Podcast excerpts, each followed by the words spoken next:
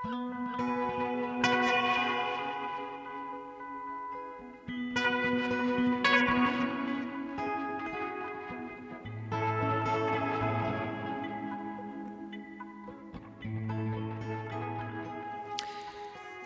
sæl og blessuð við sjá heilsar ágætu hlustendur þriðjúdægin 8. desember. William Shakespeare, Þórarinn Eldjórn, Hallgrímur Helgason, Jón Kalman Stefánsson og auður Lóa Guðnadóttir í þættinum í dag. Þórarinn Eldjárn, hann hefur gert eh, nýja þýðingu á einu þekktasta verki heimsbókmentanna, Hamlet eftir William Shakespeare. Þýðinguna vann Þórarinn að beðinni þjóðleik húsins, einhver beðverður auðvitað á því að þetta verk rati á fjalirnar, en eh, leikritið er komið út á bók og um, þetta er auðvitað ekki fyrsta íslenska þýðingin á þessu Merkaverki en mikilvægt að fá nýjar nálganir og nýjar þýðingar á verkum á borð við Hamlet. Ég ætla að ræða við Þórarinn í Viðsjá í dag og sumuleiðis við reytöfund sem lengi hefur haft miklar mætur á þessu fræga verki og kallaðist meðal annars á við það í skáldsögu sem kom út árið 1996, 101 Reykjavík. Við heyrum í Hallgrími Helgasinni í Viðsjá í dag.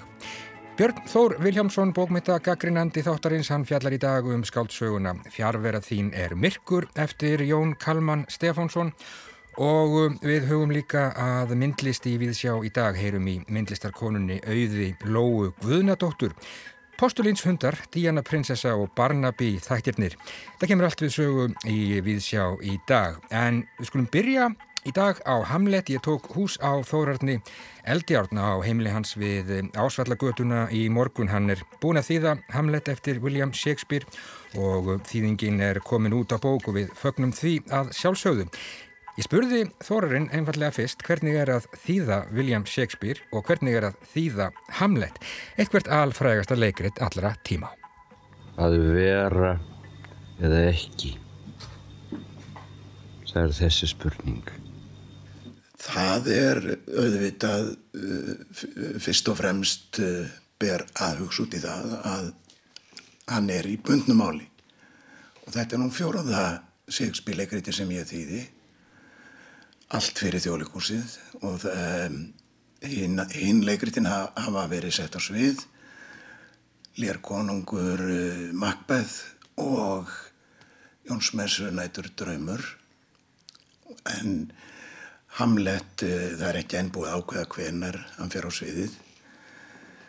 En sem sagt, það er fyrst og fremst að hann er í bundnum áli. Þetta er allt saman í þessum bragarhætti sem er kallaður eh, jambískur pentameter eða jambi. Stakenda hefur þetta stundu verið kallað á íslensku. Og það setur manni auðvitað ákveðna skorður en þó er það samt, það er furðu fljótt finnst mér sem það fer bara jafnvel að hjálpa manni. Já. að maður mað dettur í einhvern gýr og það svo afdreifa ríkan að maður fer stundu bara að tala í stakhendu. Þetta er sem sagt þetta eru, þetta eru fimm bragliðir, öfugir, tvíliðir í hverju línu tíu atkvæði eða ellefu stundum og svo bætist auðvitað við e, stölasetning á íslensku mm -hmm. þetta verður einhvern veginn sko, já, maður fer eiginlega bara að tala svona sjálfur já. en svo er auðvitað alls konar vandamáli í tengslum við, við svona texta en þetta er náttúrulega gammal texti og, og margt á ennskunni sem er svo sem ekkert sérstaklega vel skiljanlegt lengur eða, eða hefur breyst merking en þá kemur það auðvitað til að það eru auðvitað endalausar mjög vandaðar textaútgáfur þar sem farið er í saumana á öllu slíku Já. og svo er líka til á ennsku svona einfaldaðar útgáfur eða ekki beinleginis einfaldaðar heldur það er hægt að komast í útgáfur þar sem að bara áskup einfallega tekstin er endur sagður bara á venjulegum prósa og nútíma ennsku um, með tilliti til þess hvað er verið að segja og þannig eh, fer maður aða maður eh, brítur til merkjar hver einustu setningu og reynir að gera sig grein fyrir hvað er verið að segja þarna ja. og reynir svo bara að endur segja það á, á íslensku stundum er þetta auðvitað álítamál, það eru uh, setningar sem fræðumenn greinir á um sko hvað er verið að segja þarna. Og þá verður náttúrulega þýðandi sem er að þýða fyrir leiksvið, hann þarf að velja eitthvað eitt, hann getur ekki láti leikarinn á sviðinu vera með, með hérna, neðamálskreinar að, segja afsækið en stundum, stundum er þetta skilis svona.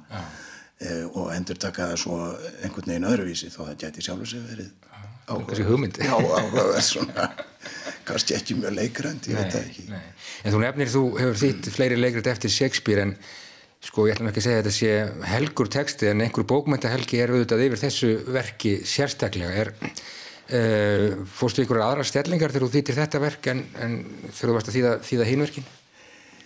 Nei, ég get nú eiginlega ekki sagt það Nei. því að um, þegar maður svona þegar þetta er stykki sem kemur sko auðvitað að maður stundur hættur þegar það er, er texti sem allir þekkja og er kannski komin einhver tildekinn hefð á að þá að fara að ræra í því að það þykja ekki gott.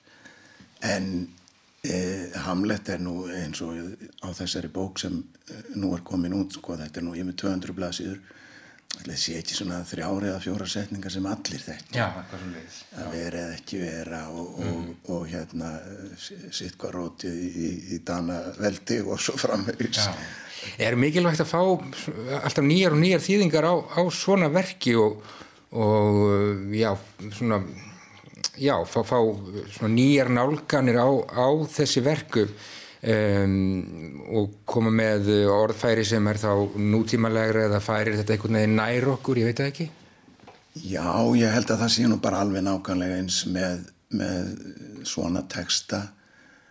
Bara eins og, já, ég held að gildi sérstaklega um leikteksta og jafnvel einhver stykki sem voru e, nútímaverk e, þýtt fyrir 30-40 árum ef þau eru sett á svið aftur þá reynist alltaf vera nöðsynlegt að endur nýja þýðinguna Já. því að það er bara ímislegt í svona daglega orðafari þetta eru smá orð og hitt og þetta þar sem að maður sér í slíkum eldri þýðingum eitthvað sem enginn bara segir lengur. Nei, og þá verður það óæðilegt og það þarf að breyta því.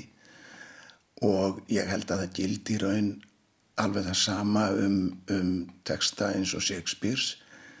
Og um, eldri þýðendur voru auðvitað bundnir af því málsniði sem var á, á þeirra tímum og það var kannski hátíðlegra heldur en nú þykir eðlilegt. Og eh, ég til dæmis hef alveg tekið þá stefnu frá upphafi í mínum segspýrþýðingum að ég nót ekki þjeringar og, og en þá síðu vjeringar sem nóg er af. Og af því að um, menn hafa upplifað það að þetta trublar áheyrandin hann sittur út í sal og þarf kannski stundum að einbetta sér að því að, að skilja það sem sagt er. Og allt sem er e, í málfæri eins og týringar og þess að það sem fólk er orðið óvand það trublar og það er þau ekki kallað þá í misvandamál um, varðandi e, personunar á sviðinu að eh, þjeringarnar hafa þá verið notaðar eh, milli eh, ef að, ef að ég er ávarp einhvern sem er aðri en ég, kongur eða eitthvað slíkt þá, þá er þjerað það er að segja í þýðingum.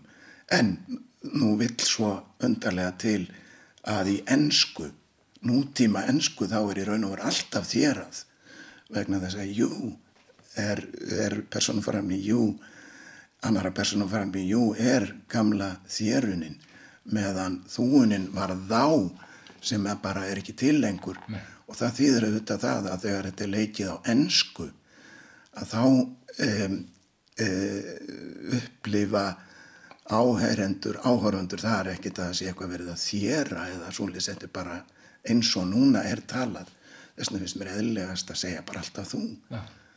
En talandu um að færa svona uh, gamlan texta nær nútímanum, ég myndi nú ekki segja að þú værir að poppa Shakespeare upp í þessari þýðingu en þó, þarna til dæmis taka morgun hannar trompetsólo? Já, það er svona eitt og eitt atriði sem að beinlinis getur ekki stilt sig um stundum mm -hmm. og þá uh, ber að hafa það í huga að Shakespeare var ekkit sérstaklega hátíðlegur höfundur. Hann var með alls konar dónaskap og, og, og, og hérna og e, slangur og götumál og fleira þess aftar og þess vegna finnst mér að manni leifist þetta alveg en ég fer aldrei út í það að, að, að fara að leika mér í stórum köplum með einhverja svona anakronistíska brandara út og söður sko. Það ég, ég reynda að orða það þannig sko að, að að reyna að gera þetta um, einhvern veginn uh, alþýðlegra og nútímanlegra andast að fara út í lágkúru Já. því að það er auðvitað það sem lasir svo við sko það er þessi stórkoslegi skaldskapur sem byrtist til dæmis í, í öllum einræðum Hamlets þar sem hann er að velta fyrir sig þeirri deglu sem hann stendur í og, og, og e, e, þessum evasemdum sem hann er þjakaður af um það hvort hann sé að, að gera rétt og, og hann er aldrei alveg viss. Og þetta er einmitt svo nútímalegt e, nútímaleg hugsun sem kemur þarna. Þessi frægi Evi En þegar þú varst að þýða þetta Þórarinn varstu með uh, Mattias Jokkumsson og Helga Haldunarsson á, á kantinum? Eða hvað? Um, minna og minna. Um, stundum um, þegar maður án sérstaklega í fyrri þýðingum þá notaði ég el, þarna, í, í mínum fyrri Shakespeare þýðingum þá kannski notaði ég þær eldri þýðingar sem til voru. Næstum því svona eins og ég í svörin sko ef ég lendi mm -hmm. í, í vandraðin sjálfur. Og þá fór það nú oft þannig að, að eitthvað sem hafi satt blífastur í maður sá það list á einhvern tiltekin átt og þá svo sem var það yfirleitt ekki þannig að maður bara stæli því að tæki það heldur einhvern veginn, það gæti oft vísa manni leið út úr vandræðunum. Svo hef ég líka eh, verið með eh, skandinaviska þýðingar, sérstaklega sænskar og danskar, því það er nefnilega er þannig að, að það, er, það er alltaf verið að þýða Shakespeare aftur og mm. aftur og aftur og þar að þau ekki eiga þessar þjóðir eins og, eins og svíjar og danir þeir eiga Shakespeare eh, þýttan í heldsinni eh, frá, frá 19. öld. Og meira að segja eh, sænska þýðingin eftir, eftir Hageberg um, Mattias Jokkonsson fór mjög mikið eftir henni. Og sennilega verið betri í sænsku heldur en ennsku en um, einhvern veginn samt hefur það gerst smátt og smátt að ég hef alltaf losnað meira og meira frá því sem fyrir er. Og þá verður bara aðferðin reynlega þessi að skoða setningarnar e, reyna að vera alveg vissum hvað er verið að segja þarna og koma því yfir á eðlilegt nútíma mál sem hvorki er uppskrúað neð lágúrulegt. Nei, nákvæmlega. Sko þetta er þetta verk sem maður uh, getur lesið aftur og aftur og og ég veit ekki, maður, maður heldur sér skilja það einn daginn en svo daginn eftir kannski nei, um hvað fjallar þetta verk eiginlega, það kemur manni alltaf einhvern veginn á, á óvart. Uh, veistu um hvað þetta verk fjallar?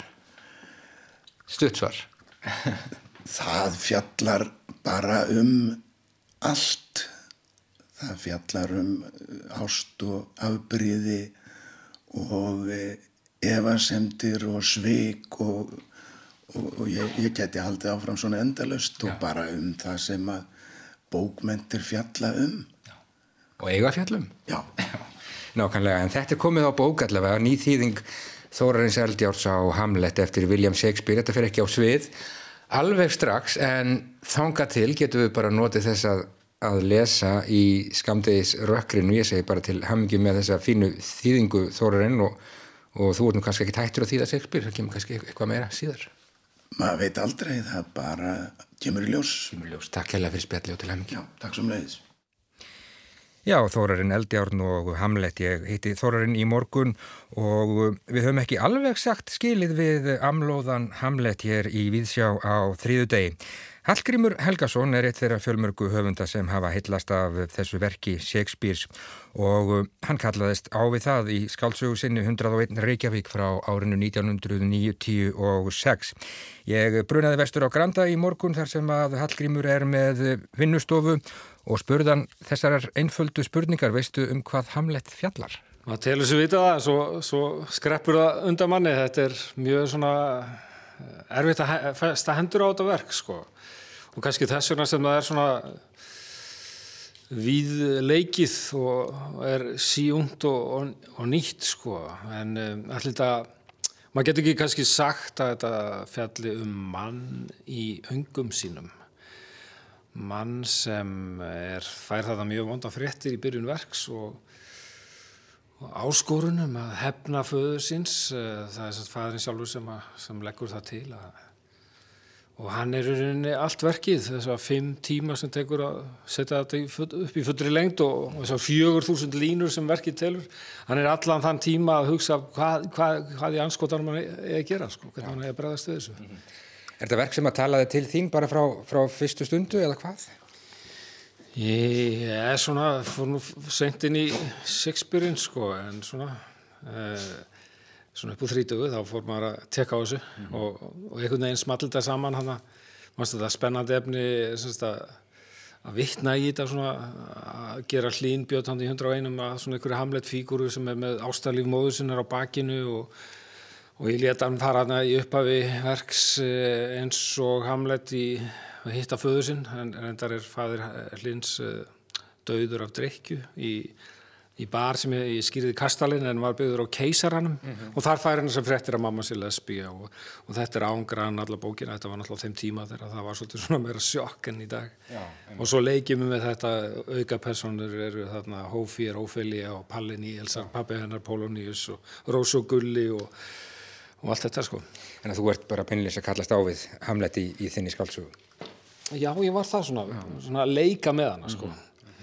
Ég gerði þetta svona uh, sem um bókum fyrst sko að nota eitthvað svona gamalt verk sem og svona mót eða, eða, eða læra af því eða eitthvað svona maður eh, var að smíða þetta var svona sveinstikkin sveinstikkin manns Já. þannig að maður notaði svona eitthvað skapalón frá, frá klassískri tíð Já. Það er náttúrulega einkenni klassískra verka að maður kannski, maður telur sig skilja þau einn daginn en svo daginn eftir þá um, skilum maður þau bara alls ekki og þarf að fara að lesa þau aftur. Þetta er þannig verk. Já, það er gott að koma að því svona á tíu ára fresti. Ég kom að því, ég, meitt, uh, ég þurfti að halda erindi þegar sýningin var í borgarleikusinu þegar Ólafur Darri leikan. Ég man ekki hversu langt það er síðan, uh, kannski tíu ár og þá fór ég í gegnum það aftur og svo Já, þú ringdir í mig í gerkvöldi, ég fekk svona aðeins í morgunin til að hugsa málið en hefði kannski þurft lengri tíma en þetta er, sko, fíkuran Hamlet er, er mjög margræð og er í mörgum hlutverkum í þessu verki og talar meira og meina allt verkið út í gegn og, og ef hann er ekki að tala þá er annað fólk að tala um hann og þannig að þetta er mikið svona sálaspeglun og verkið var náttúrulega tímamóta verk á sín tíma því að, því að það var algjörlega nýtt þetta að fara inn í vitundina á, á persónu í bókmyndum og það má segja, fræðiminn hafa líkt þessu við að gamli Hamlet, sem sagt Hamlet eldri, kongurinn sem er dauður og, og byrtist hinnum unga Hamlet þarna eh, sem draugur og segir bara þú eru að hefna mín, hann sé svona karakter eins og út úr Íslendingasögunum en Hamlet ungi sjálfur er svona meiri maður nýja tímans, hann er svona intellektual, hann efast uh, hemd, er það rétt uh, og hann fer, við förum inn í hausin á honum og það er náttúrulega koma þessi mónologar hans sterkir inn þar sem að hann er að tala beint til áhörundans úr, úr sálsinni sko, þetta var nýtt náttúrulega og þannig verður til svona þetta vitundalíf sem að opnast. Og Harold Bloom, hérna bókmyndapáfinn ameríski, hann talaði um að Shakespeare hefði svona í, bara búið manneskuna til. Sagt, in, The Invention of the Human hétt uh, stærsta bókin hans um Shakespeare. Þetta er mjög nútímalegt auðvitað og, og kannski Hamlet bara, ég veit ekki, fyrsti, fyrsti nútíma maðurinn og þetta er auðvitað verk sem að þarf að þýða aftur og aftur og auðvitað frábært að vera búin að fá nýja þýðingu frá Þórunni Eldjárn. Já, ég er ekki búin að sjá hana en, en já, við fögnum því alltaf að fá nýjar þýðingar bara eins og þú veist það þarf að leika þetta aftur og aftur þá þarf að þýða þetta aftur og aftur og uh, menn uh, tala nú um að Hamlet sé aldrei eins hann er alltaf uh, leikin á nýjan hátt í hvert skipti það verða jafnmargir Hamletar og verða uppfæslur og, og þá hjálpa þýðingarna til og líka sko Nákvæmlega, ég segi bara takk fyrir spjallið Hallgrímur, fer ekki bara vel um þig hérna í kofinu út á, út á Granda. Jú, jú, þetta er bara mjög, mjög gott. Gott að fá, fá löglega afsökum fyrir því að einangra sig. Þú lítur bara vel út. Takk. Takk.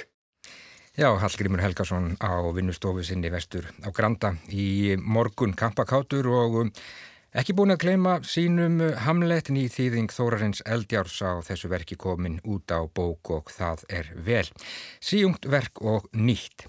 Og við höldum okkur við bókmentir hér í Víðsjá á þriðu degi, snúum okkur næstað samtímanum og samtíma bókmentum. Nýjasta skáltsaga Jóns Kalmans Stefánssonar nefnist Fjárvera þín er myrkur. Björn Þór Viljámsson, bókmenta gaggrinandi Víðsjár, hann er búin að lesa og við skulum gefa honum orðið. Nýjasta skáltsaga Jóns Kalmans Stefánssonar, fjárverða þín er myrkur, hefst svo gott sem í kirkjugarði. Þar sem við erum í för með Karlmanni á miðjum aldri sem skömm áður ránkaði við sér minnis og sértekna laus inn í sveitakirkjunni, spölkorn frá. Í þokkabót verðist hann vera sögumæður þessara bókar, eða nátengdur frásagnarvitundinni í öllu falli. Og þegar hann tekur eftir ábrendi vel hirtu leiði og skoðar nánar, stendur hann skindilega anspænis titli bókarinnar sem hann er hluti af. Á legsteininum er þessi áreitun. Minning þín er ljós, fjárveran myrkur. Legsteininum og áreitunni er tekið með jafnaðargiði, enda spurning hvernig hróplegi við skapið eða tilfinningum þegar öll kennileiti sjálfsins hafa glatast. En við höldum áfram að skoða og í leiðinu við hliðina er bautasteitin stór og mikill fjörusteinn. Á honum er sumi leiðis meira að finna en personungreinandi grunnuupplýsingarnar. Hérna er að tilvittnun í danska 19. aldar trúar heimsbyggingin Sören Kierkegaard sem fangar aðtikli sögumanns. Ef eilíf glemska sæti ætíð óseðjandi um bráð sína og ekkert afl hefði mátt til að hrifsana frá henni, hversu tómt og vonlust væri ekki lífið. Í huga sögumanns er veganestið úr kirkjugarðunum þó hvorug áreitunin, heldur eins konar samrunnið þeirra. En eins og í sovjasku myndfléttunni breytir slík skeiting merkingunni. Þung undiraldan umbreytist í eitthvað enn ókvænleira, aðstæðjandi tortímingu. Fjárvera þín er myrkur, eilíf glemska, situr um minningu þína. Ef þetta á við um minningu hennar, þá á þetta við um okkur öll. Það er ekki að undra að þriðja línan sé hvar finnum við þá hugunna. Við vitum röglega að tilveru okkar stefnir í átt að dauðanum, svo vitna sé óformlega í heimsbygging og mikinn áhuga mannum samlanda sinn, því skal jóðskaldið höldirlinn, rétt eins og einn sögupersonan í bókinni. Lífinu mun ljúka og við hættum að vera til. Erfitt er samt að takast á þessa hugsun af alvöru, framan af æfinni í öllu falli. Og ekki byrtir yfir þegar næsta skrifi tekið innblásið af síðari grafskriftinni. Að þeim hildarleik afstöðnum sem okkar eigið andlát reyndist vera, er jafnframt óskaplega stutt í að allir sem okkur þekktu síðan að moldu aftur orðnir. Og þá sé skammur vegur að því að öll veksumerki um tilvist okkar hafi verið afmáð, eins og við hefðum aldrei verið til. Eitt er það að slokna á vitundinni, merkingaleysi sem býr í þessari næstu myrkun, líkist helst skemdarverki á samlegðinni sem líf okkar var. Líftjón sem er öðruvísi en andlatið. Æfiskeiðið er stórbrotið fyrirbæri. Það tekur öll öðru fram sem til er í alheiminum. Við ónýtingu þess fer svo margt til spillis, eilíf glemska er svo mikil sóun. Kemur þá að síðari hluta málskreinarinnar. Hvað er það sem kirkegórd verist haldað hafi mátt til að veita glemskunni viðnám? Viðhor kirkegórd skiptir endur ekki öllu máli hér. Svar Jóns Kalmans hins vegar er öll bókin.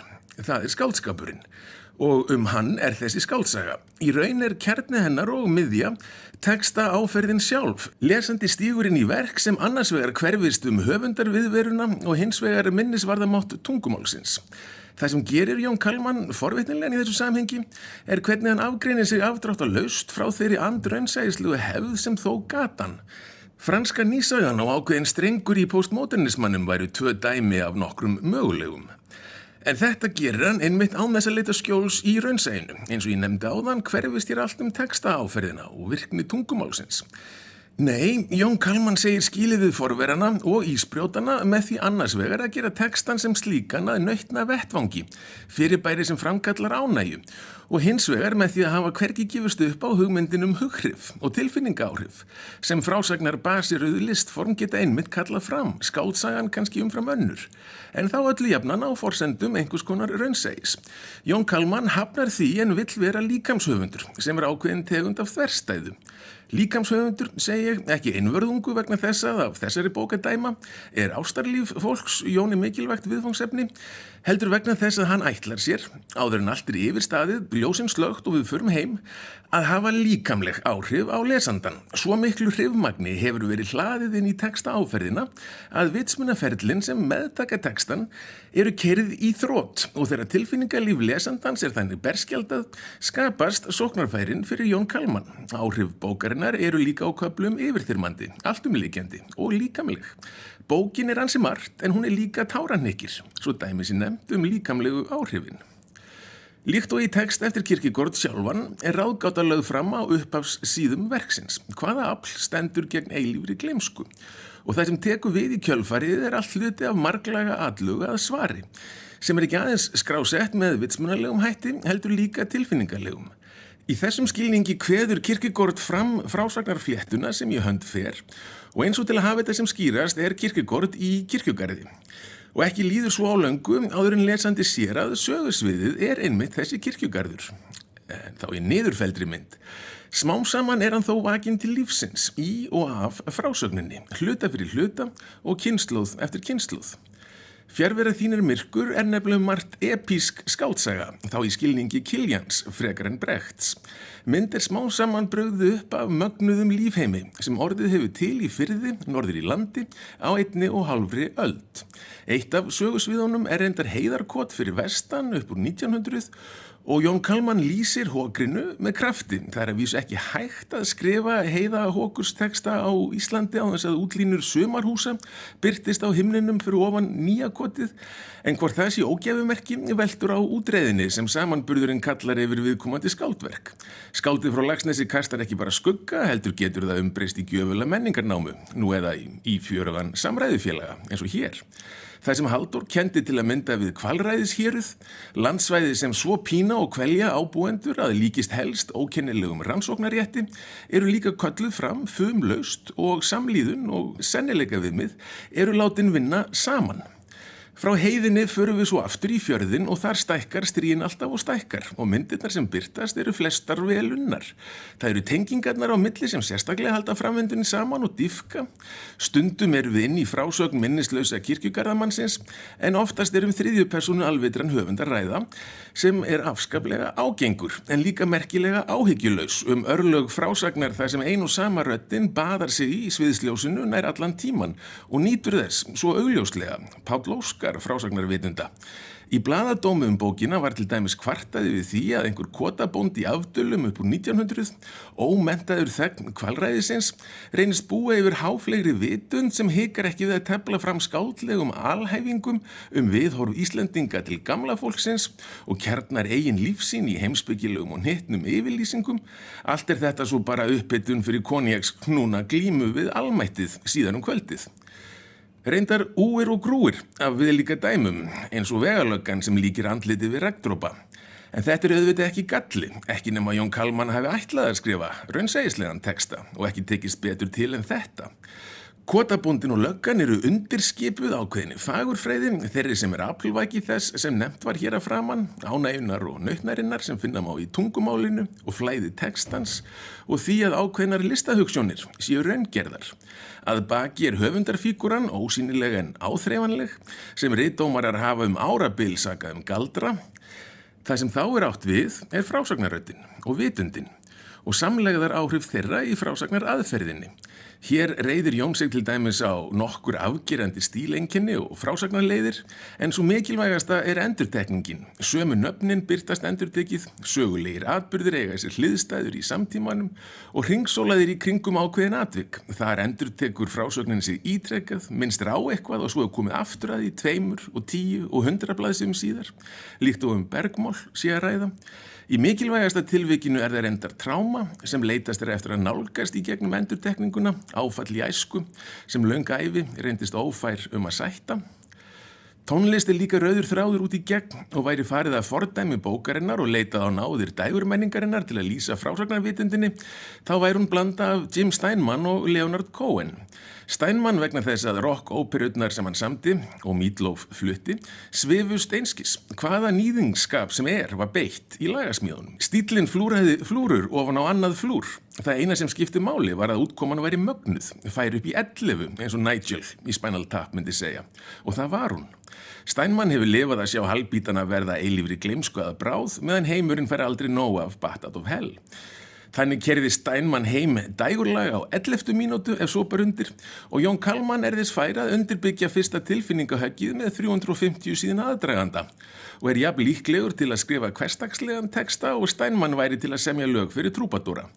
Svo Cohen, hann er hérna líka, vegna þess að ólíkt Steinmann er Jón Kalman líka afskaplega alvarlegur höfundur. Hann tekst á við stór viðfangsefni og hann gerir það á augljóslega listrænan hátt. Á máta sem tekur skálskapin og hugmyndina um fegurð afskaplega alvarlega. En dettur þó aldrei í huga byggast afsökunar á sjálfum sér, í formi kaltæðinni til dæmis.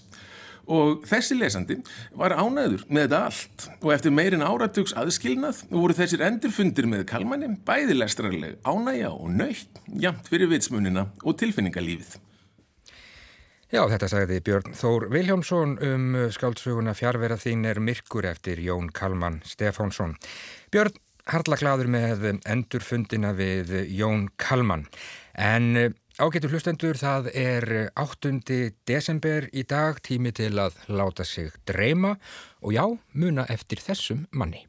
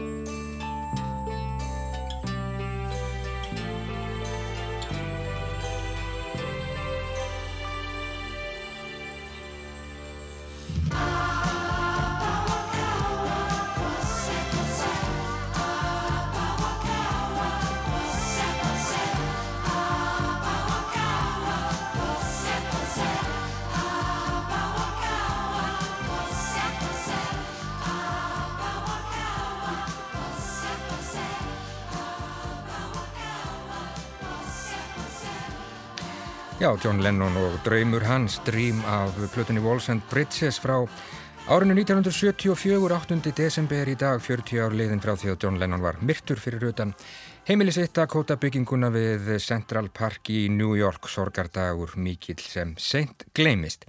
En þá ágetur hlustendur hugum við að postulínshundum sem hafa heitlað breskan aðal frá tímum Viktoríu drotningar. Díunu prinsessu sem er orðin nútíma góð sögnaðsjálfsögðu og Barnaby þáttunum svo eitthvað sé nefnt Halla Harðardóttir.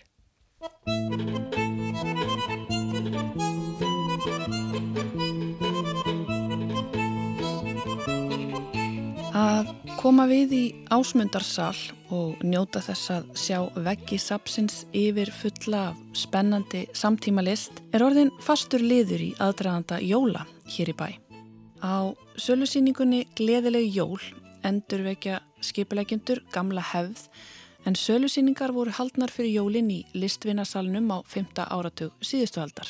Jólasýningin opnaði dyr sínar um liðna helgi og það verður opið alla daga fram að jólum. En vegna farsóttar er annar háttur á en undanfarið því farið er fram á forskráningu þar sem að aðeins tíu manns geta verið í salunum í einu. Það eru ógrinni verka á síningunni eftir fjölda listamanna af öllum starðum og gerðum og ég ætla að ringja í einn þessara listamanna, auði Lóu Guðnadóttur, en hún býður hunda til sínis og sölu, formfagra skúlptúra úr pappamassa, en þessir skúlptúrar eru orðnir eitt af aðalsmerkjum þessarar ungu listakonu sem hlaut fyrir tveimur árum kvartningarverlun íslensku myndlistarverlunana. Auður Lóa er ekki valin alveg af handahófi úr hópi listamannana sem að sína nú í ásmundarsal. Heldur ég auk þess að fá að heyra af hundunum að spyrja núti í hlaðvarp sem hún heldur úti og sem kallast Frú Barnaby og úti í díunu prinsessu. Því ég veit að Auður Lóa hefur gert skúltúra um díunu prinsessu og að hún er mikill aðdándi hennar. Díana verist vera á allra vörum þetta misserið vegna hinna feiki vinsalu sjómaserju The Crown sem ég leikur forutna á að vita hvernig auðurlóa upplifir þessa upprissu prinsessu fólksins. Sæl og blessu auður. Sæl hóla. Hvernig hefur það í dag? Ég hef það bara ljúmandi gott. Hér, ég hef það líka einstaklega gott. Ég er svo spennt að heyra frá þessum hundum. Já, þetta eru hundar eh, sem að ég er búin að vera að gera. Um, og þeir eru svona, hérna, þeir eru unnir af fyrirmynd sem að er uh, mikið áhuga mál hjá mér, leirgerðar uh, verksmiðan Staffordshire í, á Englandi. Og hérna Staffordshire uh, fjöldaframleiti svona hunda fyrir mörgum árum og gera hundar enn held ég. En hérna, en þetta eru mjög svona vinsælir antíkmunir og var uh, mjög mikið stöðuták á viktorianska Englandi. Og svo góður fílingur í þessu handverki. Alveg uh, mjög gaman að hérna að skoða katalóga frá hérna frá þessu leirgerðarfyrirtæki að því að hérna þau eru svo ótrúlega skemmtilega styrtur sem koma frá þeim og hérna bæði þessur hundar og annað og hérna Ég heirt um þess að Staffordshire hunda áður. Þetta er svo við lýsum þess að hans verið hlustendum. Þetta eru svona, mm. er það ekki oft bláur og hvítir og postilinn og, og er svona standa svona gengt hver öðrum, tveir?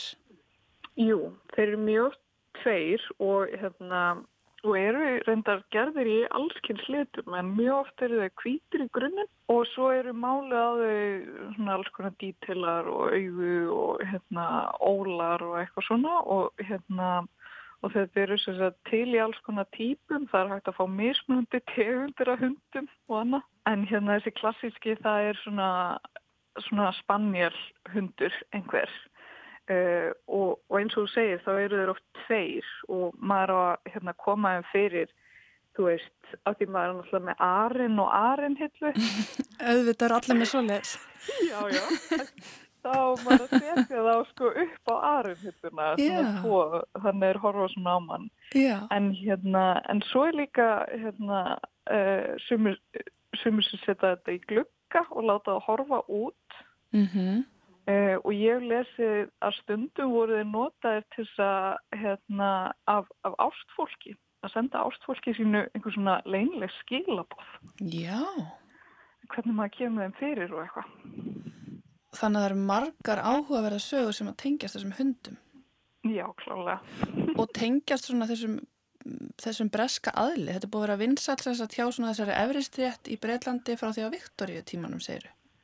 Já, ég, uh, ég held það. Ég er nú ekki búin að gera mikla rannsóknarvinnu, en þetta er svona fyrska. Þeir eru náttúrulega fyrst og fremst bara flottir. Þeir eru gæðuvegt flottir. Já. Og hvernig kemst þið í þess að katalóga? Bara á netinu? Ég hef svona, ég datt inn á þetta, þá kefti ég einhverja svona, hérna, einhvern svona gamlan antikatalóg uh, þegar ég var á Írlandi Mm -hmm. og þá datt ég inn á þetta, hérna, að það voru þarna alls konar munir frá þessu löggjörða fyrirtæki og hérna mjög áhugaverðir hlutir, uh, ekki bara hundarnir, heldur líka fleiri stittur sem er framlendu og hérna það sem er svo gaman við þessar stittur er að það eru rosa ofta að segja einhverju svona sögur. Og hérna og mjög eh, hérna mikið af áhugaverði myndefni sem að er að koma þarna fram. Mm og hérna og til dæmis eru stittur sem við framleitum mikið af uh, sem að sem eru mjög áhugaverðar. Það er hérna kona sem liggur og svo er uh, ljón sem að stendur eiginlega onna á henni og hérna og mér þótti þetta svolítið forvitnilegt þannig að ég fór eitthvað aðeins að, að googla þetta mótíf og þá hérna og það stendur á stittunni Death of the Lion Queen. Og þá er þetta sem sagt stittur sem voru gerðar til þess að svona kommemorata einhverja atburði sem að var, þú veist, einhver sirkus sem að, sem að var til á viktorjónska tímabilinu. Og, og það voru einhverja konur sem að, sem að voru ljónatæmjarar og voru jætnar af ljónunum sínum eða eitthvað svo les. Þetta er rosalega saga. Já, og svo ótrúlega magnaða því svo er fólk með þetta náttúrulega á bara heimilinu sínu sem svona Aha. skrautmun. Þetta endar í svona posturínstýttu til að hafa upp á hillu bara. Já, Mhm. og svona rosalega ofbeldissaga Mhm. bakvið. Þannig ég, ég fór að hafa mjög mikið áhuga á þú veist þessari uh, svona leið til að segja sögu þú veist og, og hérna og líka svona þessi tendens fólk sem vilja eiga þetta heima á sér og hérna umkringja sig af þessum Mhm. hlutum. En já, Ótrúlega áhugavert. Og þetta hefur verið svona mikil, mikil innblástur fyrir þig í þín verkum. algjörlega. Og úr einu í annað, út af við erum hérna á slóðum breska aðalsins, þá held ég að verðum að færa okkur aðeins yfir í Díunu prinsessu sem ég veit að er eitt af þínum áhugamálum og sem að byrtist einmitt í svona styttu, ekki satt? Jú, einmitt. Það var náttúrulega þannig að hérna, fyrir nokkrum árum þá, hérna, eða það hefur verið 2017 sennilega, að, hérna, að ég og fleiri heldum síningu hérna, sem hétt Díana Eilífu. Og hún var haldin eh, hátileg eh, vegna dánaramæli, 20 ára dánaramæli Díanu prinsessu. Og þá einmitt uh, erum við að gera svona svolítið eins og þessar stittur að, að svona halda upp á einhverja svona sögulega eða halda upp á svona sögulegan atbyrðu eða þannig. Einmitt.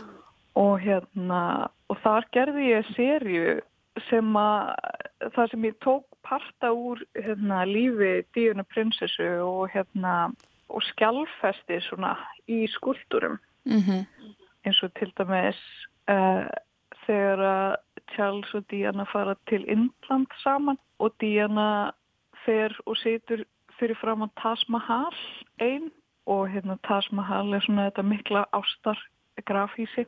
Já og það er sér að forsa að Charles fór einhvern tíman til Indlands og, og hérna og þá sagði hann sem sagt, að hann myndi láta taka myndar sér fyrir fram á Taj Mahal með konunni, konunni sem hann elskaði en svo fara þau saman til Indlands og, og hún er bara einn. Ó, en sorglegt. Já, Ha, og þetta er þessi mikla tragedía. já, og þetta, þetta festir þú í pappamassa.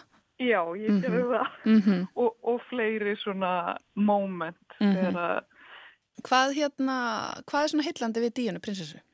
sko, fyrsta svarið er ég bara eiginlega veit það ekki. Mm En hérna, ég veit að kannski fleiri upplifa þetta, að þetta er svona, ég er ekki royalisti, við skulum taka það fram, en svona, þú veist, þetta er, þetta er partur af einhverju svona kjarna í minni, eða þú veist, ég vil eiginlega ekki kalla myndlist rannsók, mér finnst það svolítið leðilegt, mm. en hérna, það sem ég er svona að reyna að dansa í kringum og, og fjalla um kannski í minni myndlist að miklu leiti er svona tilnegð fólks til að vilja búa eitthvað til og, og hérna ég er náttúrulega rosa mikinn áhuga á myndlist og það að fólk skulle búa til myndlist. En hérna, en fólk býr sér líka, þú veist, fólk býr til alls konar hluti og það býr til hugmyndir og, og býr til sögur og býr sér til svona þessi íkon. Og þar finnst mér Diana Princess að koma svo stert inn af því að hún er eiginlega ekki lengur manneskjan sem hún var í raun og veru heldur manneskjan sem við byggum til mm -hmm. að hún mhm. væri mm -hmm. og hérna hún er bara einhvern veginn þessi stitta Akkurat, hún, hún er svona nútíma góðsögn bara Algjörlega mm -hmm. og hérna og, og hennar góðsögn fjallar um svo margt sem að við erum að hérna, fjalla um líka bara í dag eins og vald og samskipti kynjana og uh, ást og, og hérna ástarsorg mm -hmm. og mhm. hérna og hérna hvernréttindi og bara mm -hmm. það er svo margt sem að, sem að hennar góðsögnin kemur inn á sem að er eitthvað svona sem okkur er mjög uh, nærri, nærri hjarta okkar nýtíma Akkurat, kannski það sem hún er bara þessi upprisa hennar alveg endalaust virkar Já. og gengur upp og eins og ef við tölum núna með þessa serju The Crown sem þú lítur af að séð já, já, hvað finnst þér um svona hvernig hún er uh, teiknuð upp þar? Sko, mér langar að byrja að segja hvað hún er ótrúlega vel leikinn mm -hmm. alveg fáránlega vel leikinn og þessi leikona sem leikur hana sko hefur setið yfir upptökum alveg, nú, núna þegar ég er sjálfskeipaður hérna, sérfræðingur stínu hún næri mig alveg rosalega vel og talandinn og allt þetta þetta er eiginlega hérna, spúki sko uh -huh. en, en hérna en það er náttúrulega verið að mála mynd og, og hérna og ég las nokkra greinar um sem sagt um þess að þætti eftir á og eitthvað svona og hérna það er sumir að kvartiði að, að þetta sé ekki sagfræðilega rétt og bla bla bla. Mm -hmm. En hérna, en það er náttúrulega verið að, að hérna búa til sögu og segja sögu og það er það sem er mikilvægast og hérna auðvitað þar maður, eða hefur þú veist þátt að gerðar e, fólkið, þú veist þurft að velja sér einhvern svona pól Eh, og já, mér finnst þetta bara rosalega áhugavert hvernig á, eh, hvaða leiðu og hvaða fara með þessu sögu. Mm -hmm. af því að þau sympatísera mjög með henni en, en benda manni náttúrulega líka á að hún er bara forréttinda pjessi eins og allir hinnir, nákvæmlega. Já. og hann kemur ekki vel út, blessaður Karl. Nei, er, er einhver sem þóli Karl? Ég, ég held ekki Heyrðu auðurlóa örstuðt í lokin að því að við getum örgulega spjallað hérna í allan dag. Örstuðt, frú Barnaby, þetta hlaðvarp, segðu mér örstuðt frá því, hvað er að gerast þar? Já, ég er náttúrulega með hlaðvarp með henni móhegu vinkunum minni og, hérna, og þá eru við líka svolítið að fjalla um breska aðalinn. En það er annar karakter sem okkur er hugleikinn þar og það er hann Barnaby, lauruglu maður eða rannsóknar lauruglu maður sem að ásóldi hjörtu Íslandika, eða hvað? Er þetta ekki þátturinn sem er all förstudagskvöld í sjónarfinu? Jú, svolítið þessi. Þátturinn sem að sopnar yfir kannski líka, það er allt í leið þú okay. alveg hlusta á hlaðvarpinni þetta er þetta svolítið vittlisa Herðið og það geta allir nálgast þetta bara á öllum hlaðvarpsveitum, ger ég ráð fyrir Já, já. Og hérna og hundana þeina er hægt að nálgast í ásmundarsal fyrir þá sem vilja Já. skoða þá. Hérna auður Lóa Guðnadóttir, takk kella fyrir spjallið og hérna bara gleðilega aðvendu Sumur leiðis og takk fyrir spjallið